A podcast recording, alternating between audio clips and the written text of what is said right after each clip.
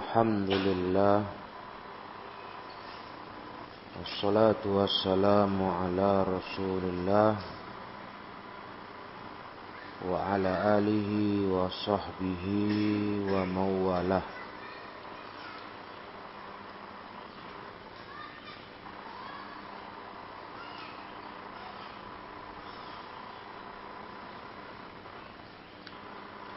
Sekarang kita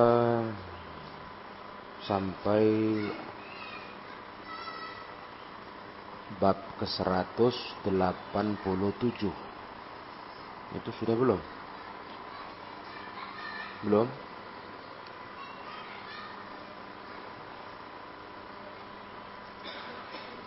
Babun nafaqati fil bina'i.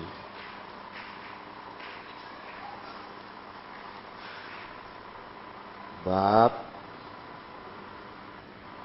nafkah belanja untuk bangunan.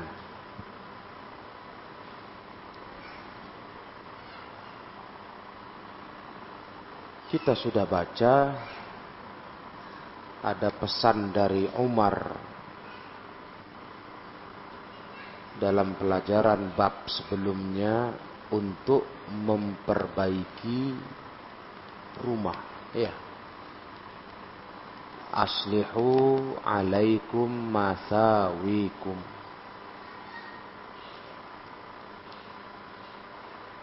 Perbaiki atas kalian rumah-rumah kalian. Saya sudah kan? Nah, di bab sekarang ini tentang belanja untuk bangunan rumah.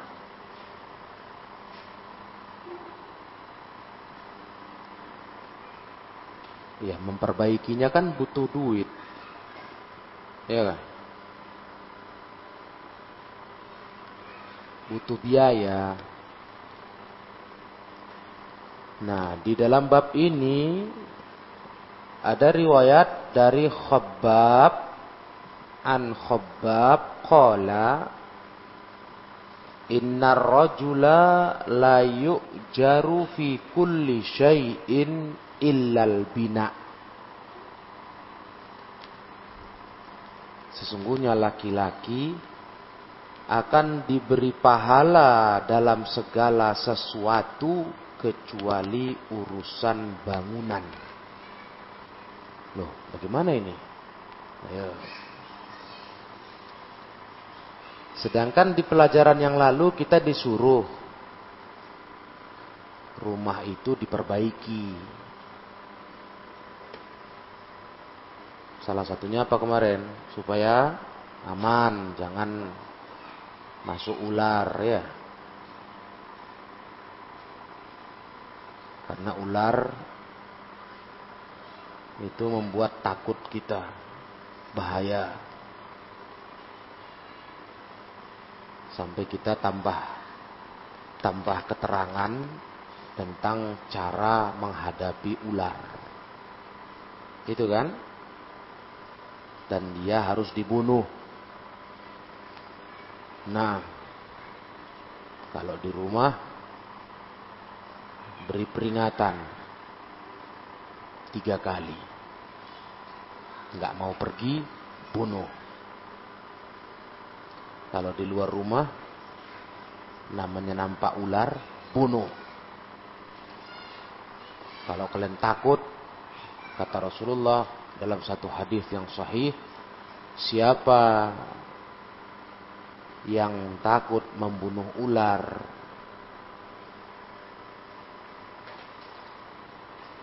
siapa yang menghindari ular karena takut kepadanya, menghindari yakni nggak mau dibunuhnya. Kata Rasul, "Falaisa minna." Dia bukan golongan kami. Hmm. Karena ular itu musuh kata sahabat dalam riwayat yang lalu kata Umar sejak kami bermusuhan sama ular kami nggak pernah damai nggak pernah kita damai sama ular ular musuh harus dibunuh. Hmm. Begitu.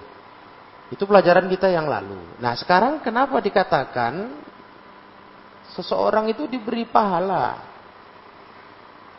Tapi kalau urusan bangunan enggak. Maknanya kata ulama, jika dia mengeluarkan biaya untuk pembangunan rumahnya melampaui batasannya, melebihi kebutuhan,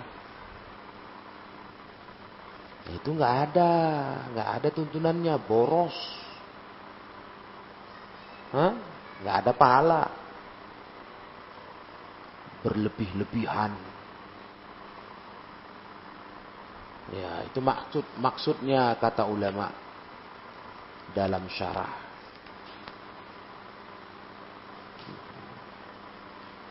Kalian boleh memperbaiki rumah, boleh. Mempercantik rumah biar rapi, aman, jangan gampang masuk maling, eh? masuk binatang-binatang buas, berbisa tapi janganlah boros berlebih-lebihan. Itu nggak boleh itu. Nggak ada pahalanya gitu. Sia-sia. Nah. Ada orang begitu? Banyak. Hmm? Karena uangnya banyak. Nah, terus begitu modelnya kerjanya. Melampaui batasan. Sia-sia buang-buang harta. Nah, padahal rumah itu udah cukup kokoh, kuat, bagus. Tapi dibuat lagi lebih mewah, lebih wah.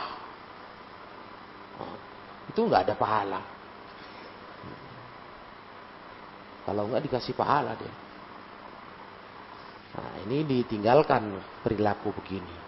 Walaupun duitmu banyak, untuk apa? Nanti dindingnya dikasih batu alam. Harga per meter puluhan juta. Wih, per meter. Hah? Per meter tau kalian? Rumahnya berapa puluh meter. Dinding dikasih batu marmer Harga ras puluhan juta per meter. Masya Allah. Apa? Bangga-bangga. Apa itu? Nah ini ajaran Islam. Kalau kalian turuti itu, kalian ikuti, nggak ada puasnya dunia ini. Hmm? Nggak ada puas cukupnya. Terus renovasi, ganti.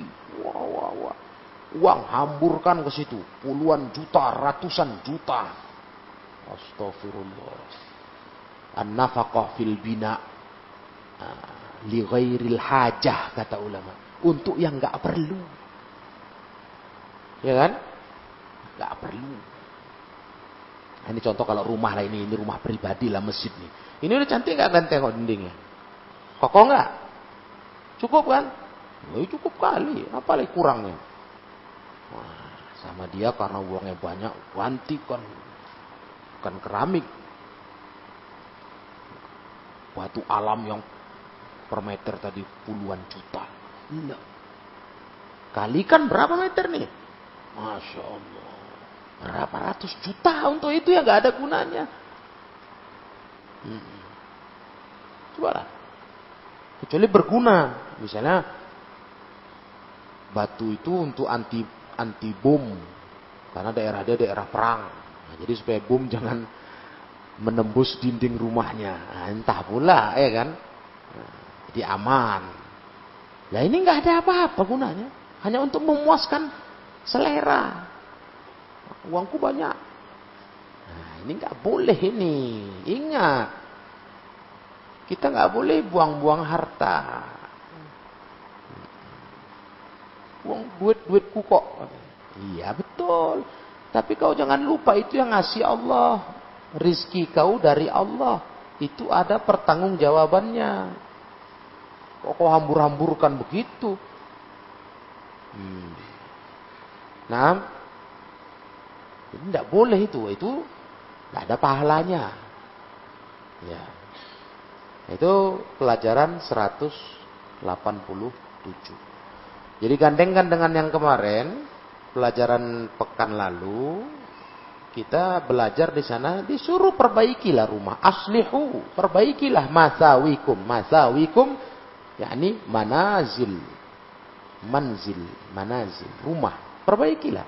Yakni yang yang pantas hunilah layak gitu supaya aman. Kalau zaman kita kan sekarang yang dikhawatirkan maling. Perbaikilah. Tapi jangan berlebihan ya. Boleh begitu. Iya. Kenapa kok kayak gitu tingkahmu? Tidak ada pahalanya, nggak ada faidahnya. Itu apa?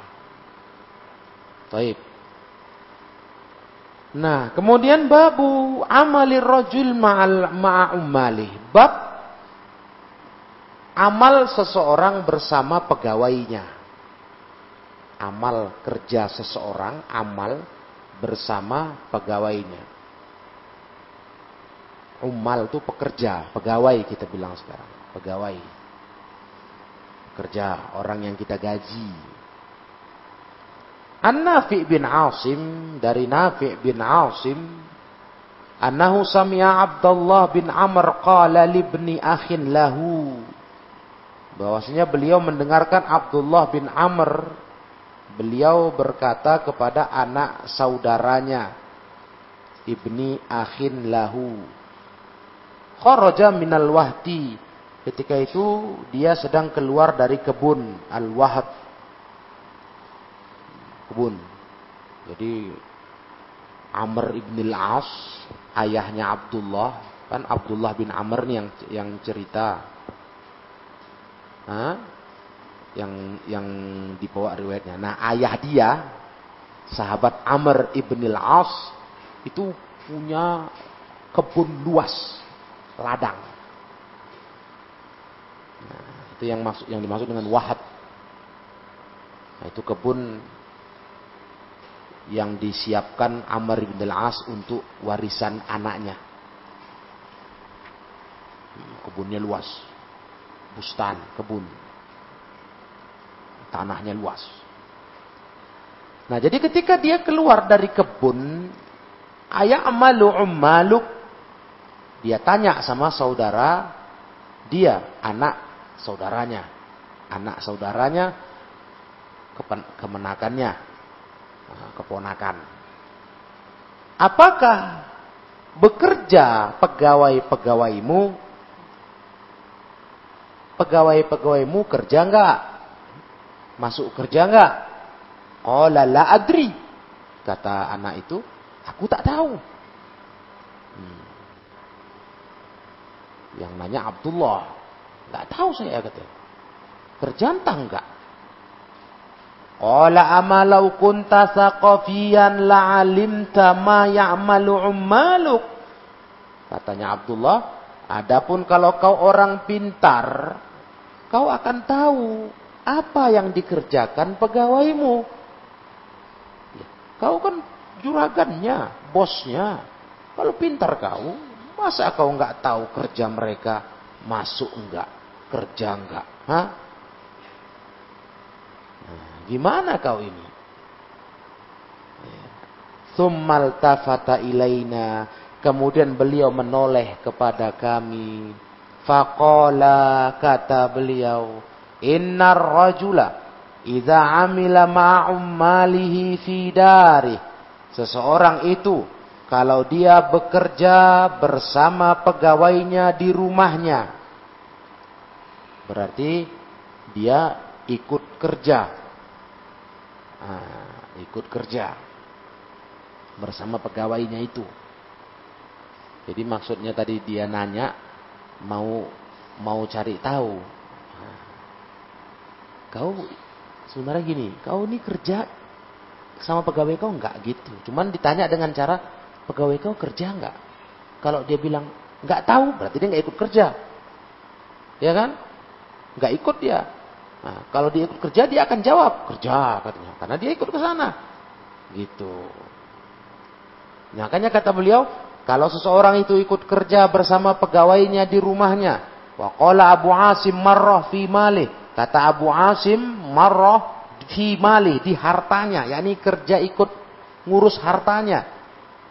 Nah, artinya kerja ngurus harta ya entah bisnisnya, entah dagangnya, entah apa gitu. Nah, ikut dia kerja sama mereka. Karena amilan min ummalillahi azza wa jalla.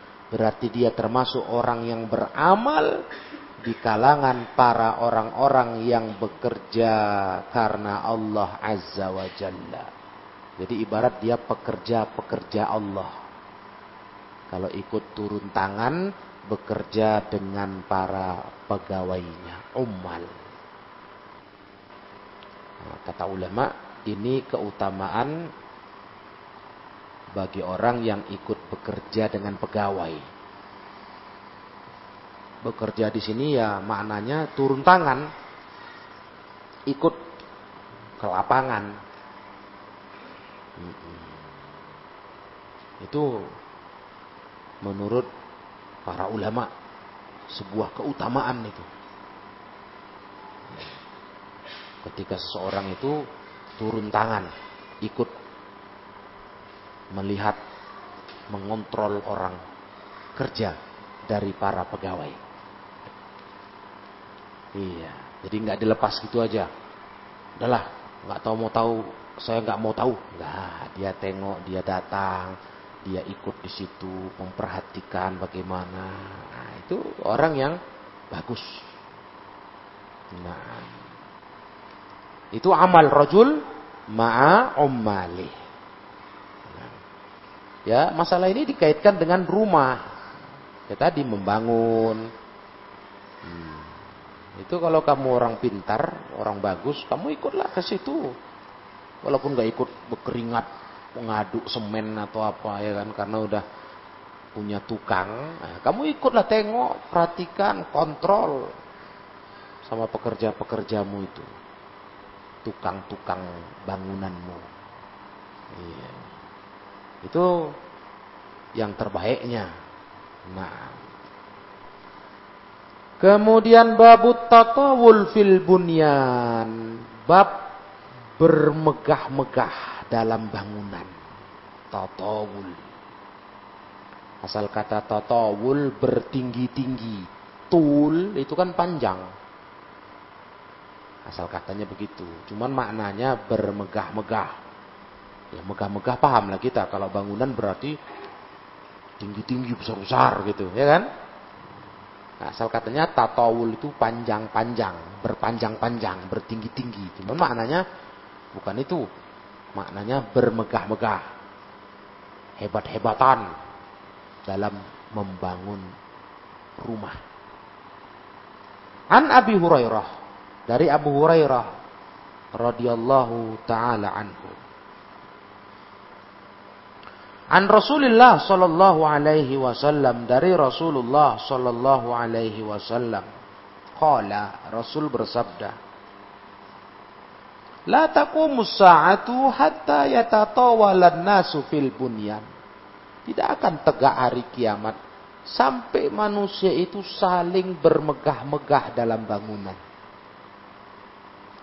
Makanya salah satu ciri-ciri tanda kiamat datang, manusia udah sibuk dengan bermegah-megah dalam bangunan. Yatatawalu fil bunyan. Dan itu dalam hadis sudah ada kan? Hmm?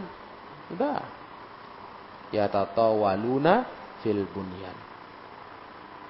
Bermegah-megah dalam hal bangunan.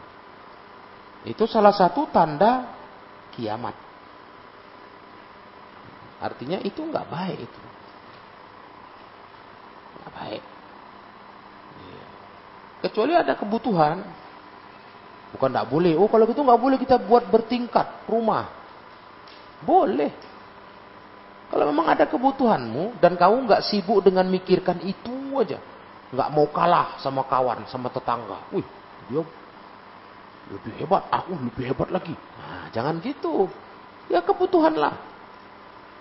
Nah, kalau satu rumah tuh anaknya banyak misalnya kan, masuk akal.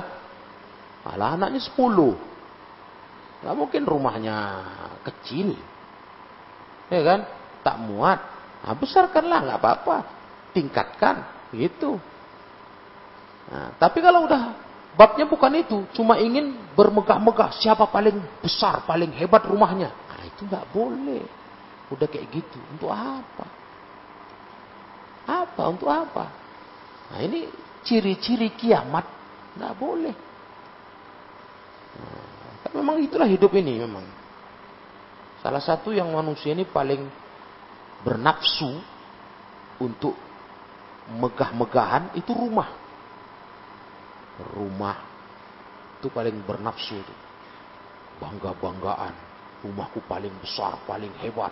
Kejar-kejaran, bangun lagi. Renovasi, direhab lagi, bangun. Nah itu nggak boleh. Ya. Jangan seperti itu. Kenapa kita bermegah-megah seperti itu? Nanti ujung-ujungnya apa? Bangga-banggaan, sombong-sombongan. Nah, udah kenalah hadis Nabi. La yadkhulul jannata man kana fi qalbihi mithqalu dzarratin min kibrin. Nah, masuk surga. Orang yang ada di hatinya sebesar biji zarrah dari sombong. Hati-hati. Sombong-sombongan soal rumah. Oh, boleh. Nah, ini dilarang ya, nggak baik ini. Bermegah-megah, nggak karu-karuan. Sekali lagi, jangan salah kalian. Rumah mau besar tuh, kalau butuh buatlah. Memang perlu. Memang kita butuh. Banyak yang mau nginap di situ, banyak yang mau tidur di situ, banyak yang mau tinggal di situ. Tapi kalau nggak perlu, kok bisa bermegah-megah nggak karu-karuan? Udah cantik, kurang, rombak lagi tahun depan, rehab lagi, ganti, ganti. Uih, Uang keluar terus. Ada anggarannya tuh kalian. Pokoknya disiapkannya tahun depan aku mau rehab ini ini ini ini 100 juta, 200 juta, 500 juta. Astagfirullah. Kenapa begitu? Hah? Kalau dasarnya berbangga-bangga sudah dosa. Nah tuh. Coba kalian tengok berikut ini riwayat. Biar jadi pandangan kita. Ah, salah satunya juga ini yang harus diperhatikan para wanita. Seringkali, seringnya bukan semuanya, bukan selalu. Seringnya perempuan yang paling tergoda, paling selera sampai kadang memberatkan suaminya, nuntut suaminya. Perkara kemewahan tempat tinggal. Ini perempuan. Itu tabiatnya begitu. Perempuan tuh suka begitu. Bukan laki-laki nggak suka. Ada juga. Tapi cenderung sering perempuan. Ini perempuan-perempuan kalian berilmu. Nggak boleh begitu. Iya. Nggak boleh begitu. Sering gitu. Perempuannya cenderung begitu dia. Nengok tetangga, kawan, punya ini, punya itu. Ah, dia pengen. Punya yang mewah-mewah, dia mau juga. Sering gitu. Ya, sering kena di situ perempuan. Khususnya masalah rumah. Hmm, perempuan hobinya ke situ. Bermegah-megah dalam tempat tinggal. Ya, karena memang perempuan ini kan tinggal di rumah kan itu. Beda laki-laki. Kalau laki-laki biasa hobinya apa? Dalam kendaraan tunggangan kalau dulu ya kan. Kalau zaman dulu, ah kudanya yang gagah karena dipakai sering tiap hari, tiap saat. Laki-laki kendaraan. Kalau perempuan tempat tinggal. Perabot, wah kalau udah perabot sudahlah. Mama-mama ya. Apa yang nggak mau diisinya rumah itu? Selera kali di apa pun selera dia. Makanya kalau mama-mama belanja lama, ya kalian. Hah? Kenapa? Dia daya tariknya nengok barang tuh luar biasa. Kalau mau belanja lama. Dia nggak niat beli, tapi dia mau tengok semua. Ha, itulah dia. Ya. Kalau laki-laki itu apa yang mau dibeli itu yang dituju. Ah beli ini, tap tap tap tap siap. Kalau mama mama masuk masuk mall, masuk apa supermarket, eh, semua dipegang. Ini berapa? Ini berapa? Padahal dia nggak ada niat itu. Nah, itulah daya tariknya dia, perempuan. Itulah sukanya. Perabot, perabot. Tengok ini, tengok itu. Ngapain kita tanya? Nengok harga katanya. Nah, mau beli? Enggak. Padahal udah dalam hati ya, kapan aku beli itu ya? Nah, itu. Itu mama-mama. Nah, kalau belanja mama-mama lama. Ya. Dia mau beli sabun ya cuman. Tapi satu satu minimarket dipegangnya semua. Tengok semua. Semua tengok. Paku aja nggak suka deh. Nah, peralatan-peralatan keras-keras, tukang-tukang nggak mau nengok itu. Martil, obeng. Nah. Tapi coba perabot, habis semua dipegang, tengok, balik-balik. iya lama lah belanjanya, ya kan? Nah itu. Jadi, ini pelajaran sama kalian, para perempuan. Tengoklah, syukuri kalau ada tempat tinggal dikasih suami. Iya, tengok ini berikut ini. Nah, Anil Hasan wahwal Basri dari Al Hasan Al Basri beliau berkata, "Kuntu adkhulu buyuta azwajin Nabi sallallahu alaihi wasallam." Aku pernah masuk rumah-rumah istri Nabi sallallahu alaihi wasallam fi khilafati Utsman bin Affan di zaman Khalifah Utsman bin Affan. Kalian tahu Hasan Al Basri? Tabi'in, ya kan? murid sahabat. Jadi beliau waktu zaman Khalifah Utsman pernah masuk ke rumah-rumah peninggalan istri Nabi. Nengok-nengok peninggalan. Ternyata fa'atana walu sukfaha biyadi. Masya Allah. Itu ku pegang atap atap rumah itu sampai pakai tangan. Masya Allah mewah kali rumahnya ya. Megah betul. Gitu. Hah? Atapnya ku pegang pakai tangan. Sampai. Itu menunjukkan mewah nggak? Hah? Ih, bingung. Enggak, Res. Kenapa enggak? Sampai dipegang kok.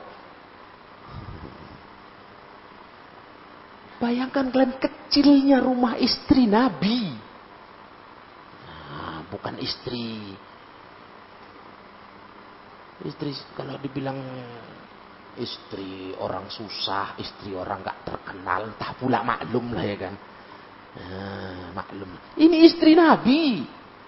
Rumahnya itu aku pegang, atapnya sampai.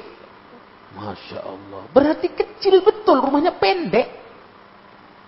Huh. Iya. Jadi kalau kita bayangkan, ada nggak atap rumah istri Nabi setinggi asbes masjid ini? Ada nggak? Ada? Ya, ada. Kalian aja nggak sampai kok. Dia sampai dipegangnya. Masya Allah. Itulah rumah istri Nabi. Nah, kuat. Iya. Jangan nggak syukur nanti dikasih suami tempat tinggal sederhana. Alhamdulillah. Yang penting rumahku aman. Rumahku terjaga dari penjahat, pencuri. Udah cukuplah sudah. Ya. Makanya Islam ngajari ya. Kalau nengok dunia tuh jangan nengok ke atas. Aduh, nanti kau merasa kurang aja. Kurang aja. Gak ada cukupnya. Nah, rumahku udah paten lah paten ya. Masjid aja paten nggak nih? Bertahun-tahun kita duduk di sini belajar, taklim, sholat. Cukup nggak? Cukup nyaman. Iya. Tapi kalau kalian lirik masjid lainnya, iya. Miskin kali masjid salafi. Masjid lain cok kalian tengok tuh. Megah-megah, mewah-mewah. Nah, gitulah memang kalau tengok ke atas. Rumah, ya gitu juga. Rumah udah mantap sudah, udah udah rumah layak huni lah sudah. Jangan tengok-tengok pergi ke Jerman 4. Aih, gawat. Kecil kali rumahku. Iyalah Jerman 4 kau tengok rumahnya gudung-gudung besar. Waduh, rumah kau bagasinya cuman. Nah, ya, istilah orang bagasi mobil, padahal garansi, garansi mobil gitu.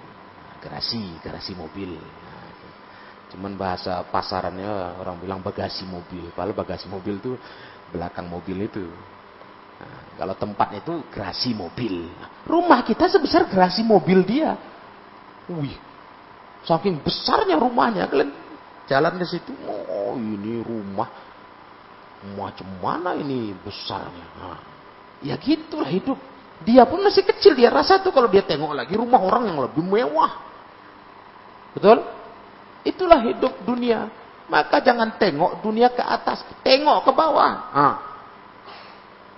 Berapa banyak orang yang masya Allah lebih susah. Bahkan ada nggak punya rumah, tuh tidur di kolong jembatan apa ini, tol, ya kan? Tol Sungai Deni, tidur di situlah. Pernah kalian tahu kan? Di kolong itu, itu berapa orang tidur situ? Kemarin mati lagi di situ. Mati busuk udah udah tiga hari taunya tercium masyarakat bau busuk ya ditengok ya Allah mayat nggak ada rumah gitulah hidup tengok yang di bawahmu. Fanzur man huwa dunaka. Wala tanzur man huwa fauqoka kalau urusan dunia. Karena nggak ada cukupnya. Gila nanti kita. Stres mikir kencarnya wah waduh waduh waduh. Aku Kok nggak punya ini? Kok nggak punya ini? Ya terus saja. Hmm. Ya kan?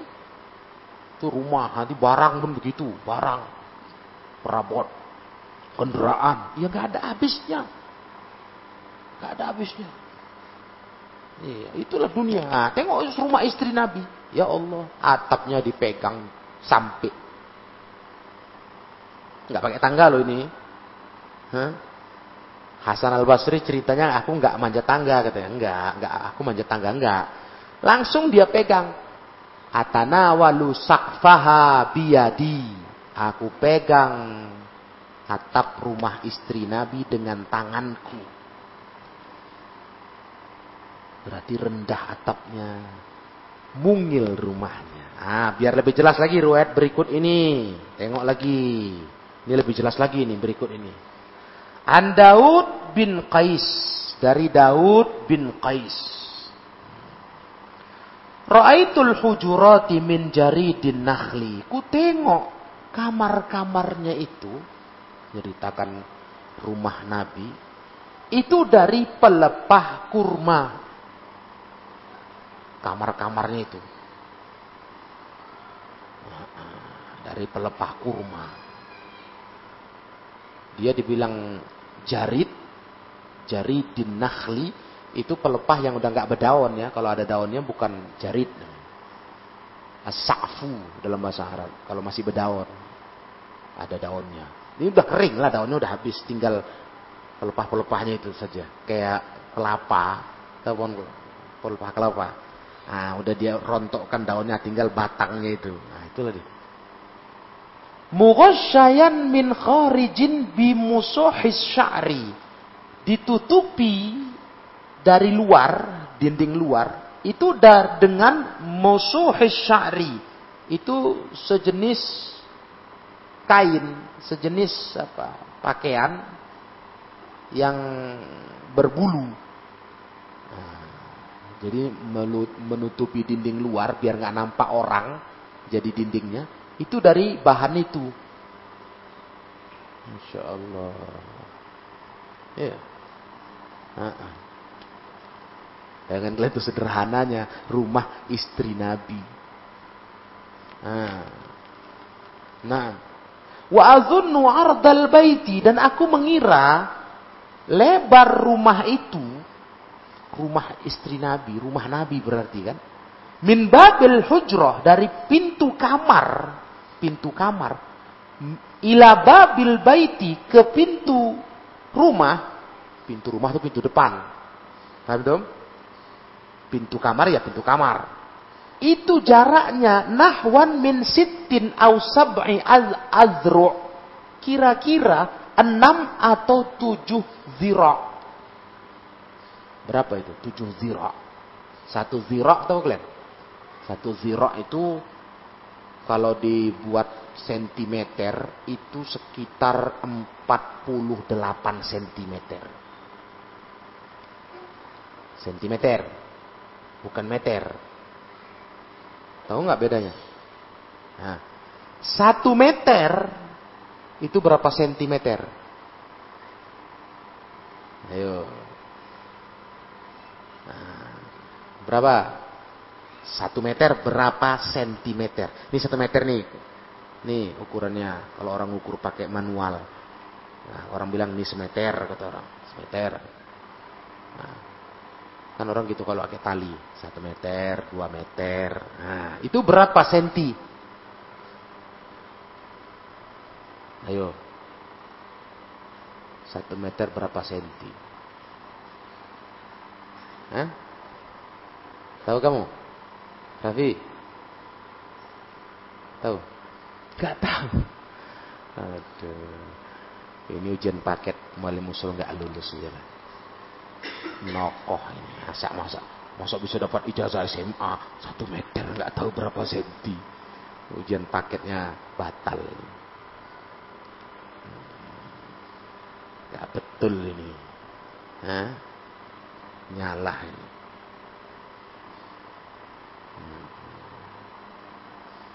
Nah, subus. Satu meter berapa senti? Hah? Berapa? 90 Masya Allah Ukuran baru Aduh, ini ahli baru ini. Nah, kalau jualan subus gawat ini. Beli semeter kita orang diukur 90 cm. Iya. Rugi orang.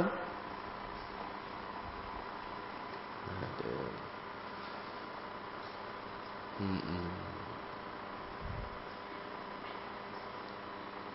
Ah Bukhari.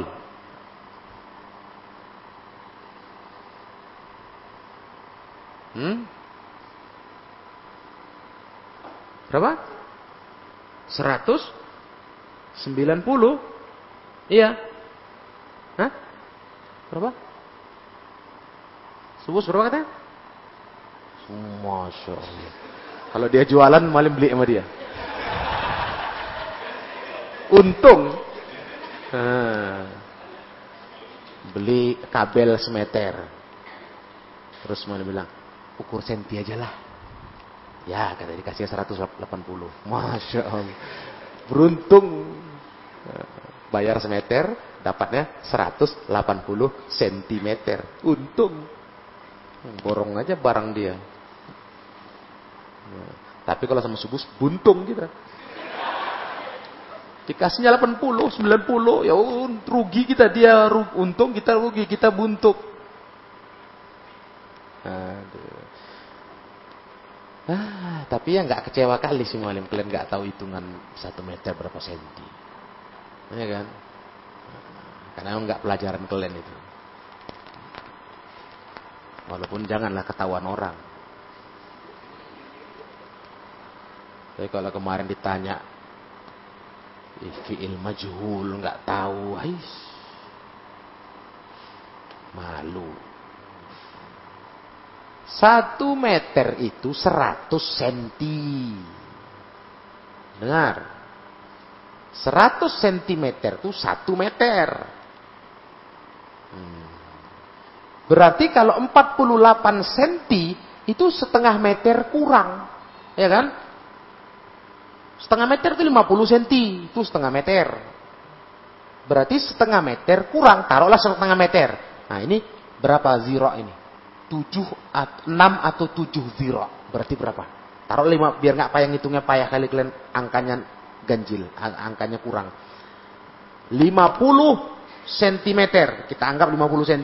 Satu zero. Setengah meter lah. Sebenarnya setengah meter kurang. Tapi udah setengah meter. Kali 6. Berapa? Ih, nggak tahu juga tamatlah dunia ini sudah. 50 kali 6 berapa? Fauzan? 300. Berarti berapa meter? Berapa meter? Ya. Berapa meter? 3 meter, 300. 3 meter, Pak. Aduh. Masya Allah. Satu meter kan 100 cm. Nah. Ngerti? Kalau 300 cm berarti 3 meter. Atau 7 ziro. Taruhlah 3 meter setengah. Itulah panjang rumah Nabi. Dari pintu depan ke pintu kamar. 3 meter setengah. Panjang kali kan? Panjang kali? Coba bayangan tuh. Coba. Itulah rumah istri Nabi. Itulah ukur-ukur kira-kira kata beliau. Nahwan min sittin au sab'i azru. Kira-kira 6 sampai 7 zira. Ya kira-kira 3 meter setengah lah. Masya Allah. 3 meter setengah. Waduh. Nah, ini masjidnya berapa ini? Berapa panjangnya ini? Masjid kita. Sepuluh ada. Hah? Lebih ini. Adalah 13 atau 12 dulu ukurannya. Jadi rumah Nabi itu seperempat masjid ini panjangnya dari pintu depan ke pintu kamar. Nah, tengok tuh. Kemudian wa ahzirul baitad dakhil asyra azru dan aku ukur rumah bagian dalam lebarnya 10 zira. Berapa berarti? Kalau satu zira kita ambil tadi 50 cm. Ya kan? Kali kali 10 berarti berapa? 50 kali 10 berapa? Berapa ratus? 500 5 meter itu lebarnya, panjangnya 3 meter setengah. Ya Allah. Segitulah cuma. Hah? Paham semua ini?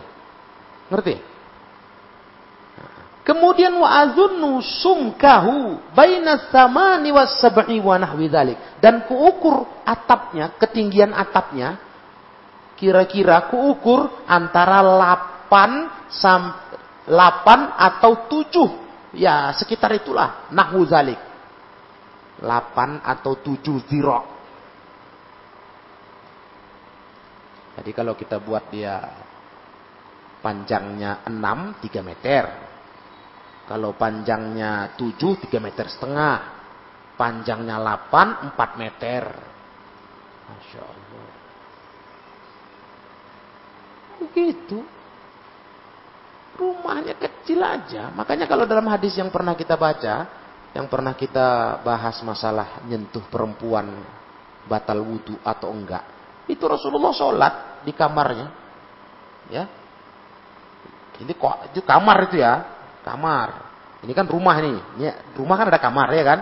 Nah, di kamarnya itu saking kecilnya sempit. Kalau Rasul sholat, Ummul Mukminin Aisyah tidur, itu biar bisa sujud kakinya digeser dulu. Nah, sempit kamarnya. Kalau enggak kena ke jedut kakinya, nah, digeser. Subhanallah. Begitu. Nah, coba dengar akhwatnya. Tapi istri Nabi nggak ada ngeluh. Nah, ya mungkin orang orang orang orang sekarang bilang, iyalah dulu iyalah. Masih pakai pelepah kurma. Mana bisa zaman sekarang? Memang kita nggak disuruh. Yang nyuruh kau bangun pakai pelepah kurma sekarang siapa? Ngerti? Bukan itu maksudnya. Mungkin ada yang bantah gitu. Iyalah, kata. Sekarang mana zamannya lagi pelepah kurma? Bukan aku nggak mau. Sederhana. Tapi kan nggak zaman pelepah kurma katanya. Bukan kau disuruh sekarang bangun pakai pelepah kurma. Eh jangan salah loh. Kalau sempat kau disuruh bangun pakai pelepah kurma di Indonesia, pening kau duitnya. Di mana kau cari pelepah kurma? Ngerti? Bukan rumah bukan rumah gubuk itu rumah mewah itu. Karena nyari pelepah kurma payah. Nah, jangan sembarangan. Bukan maksudnya itu.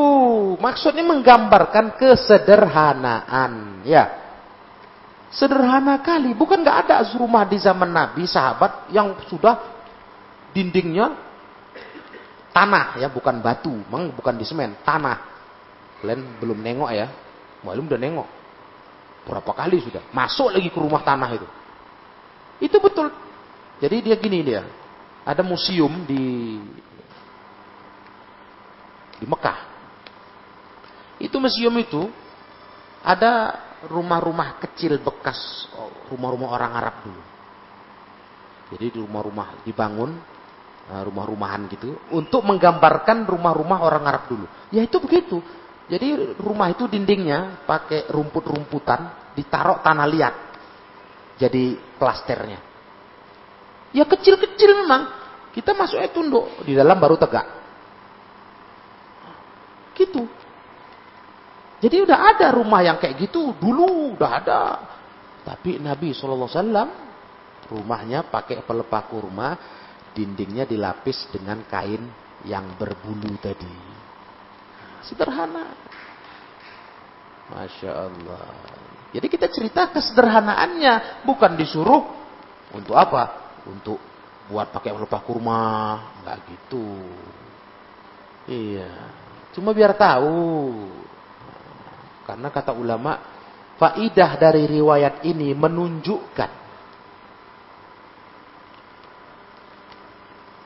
generasi kita yang dulu para salafus saleh mereka disibukkan dengan mikir rumah akhirat bukan rumah dunia mereka mikir rumah akhirat itu dia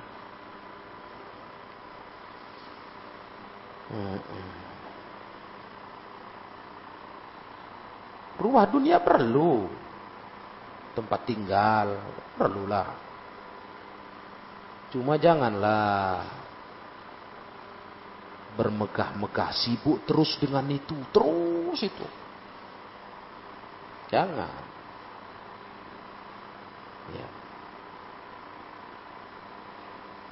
Karena itu kita tinggalkan.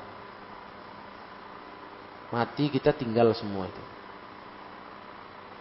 generasi salaf dulu menyibukkan dengan rumah akhirat. Mikir amalan. Orang sekarang udah terbalik. Mikir dunianya hebat kali. Amalan nantilah. Nantilah. Kalau sahabat dulu. Generasi salaf. Amalan nomor satu. Dunia itu sekedarnya aja. Istilahnya beginilah rumusan yang tepat. Kalau ada lapang rezeki Alhamdulillah. Dinikmati tanpa boros. Nah, kalau gak ada rezeki, sempit, kekurangan, ya sabar saja. Nah, itulah salaf dulu. Jadi bukan gak boleh punya rumah yang layak. Ya boleh. Kalau kamu butuh itu, ada rezeki boleh. Asal jangan mubazir. Ya, akhwat ya, itu rumusannya. Jadi kalau ada rezeki, mulai mulangi, kalau ada rezeki kita nikmati tanpa boros. Paham Sudah.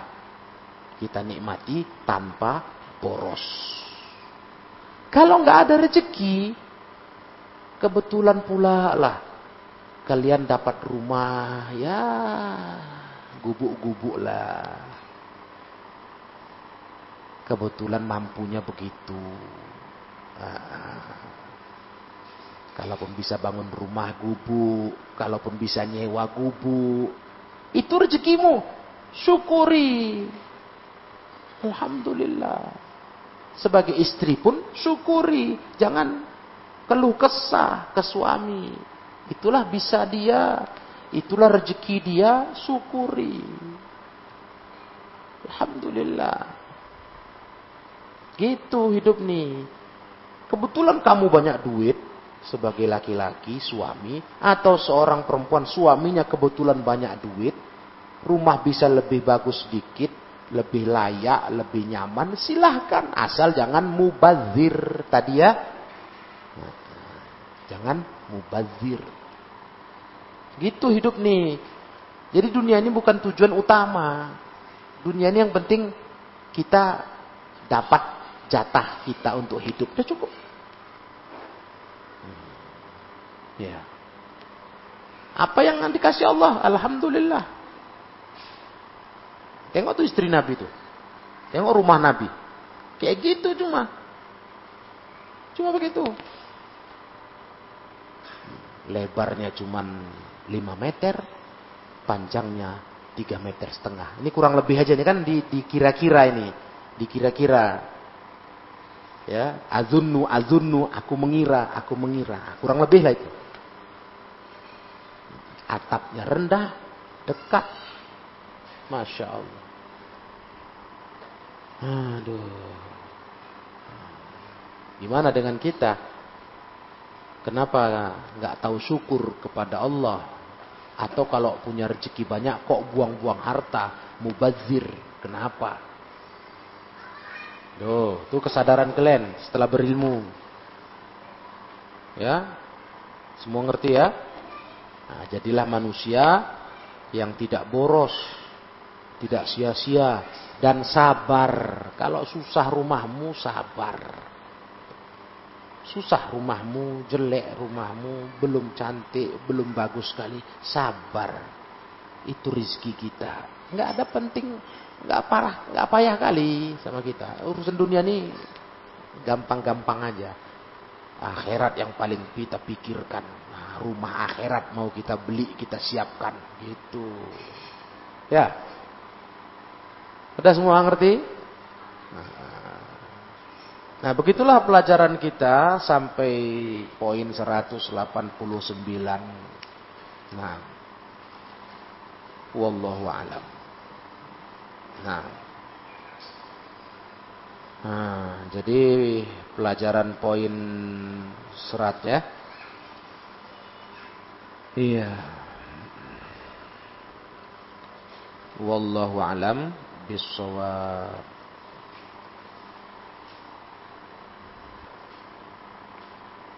Uh, sebelum mualim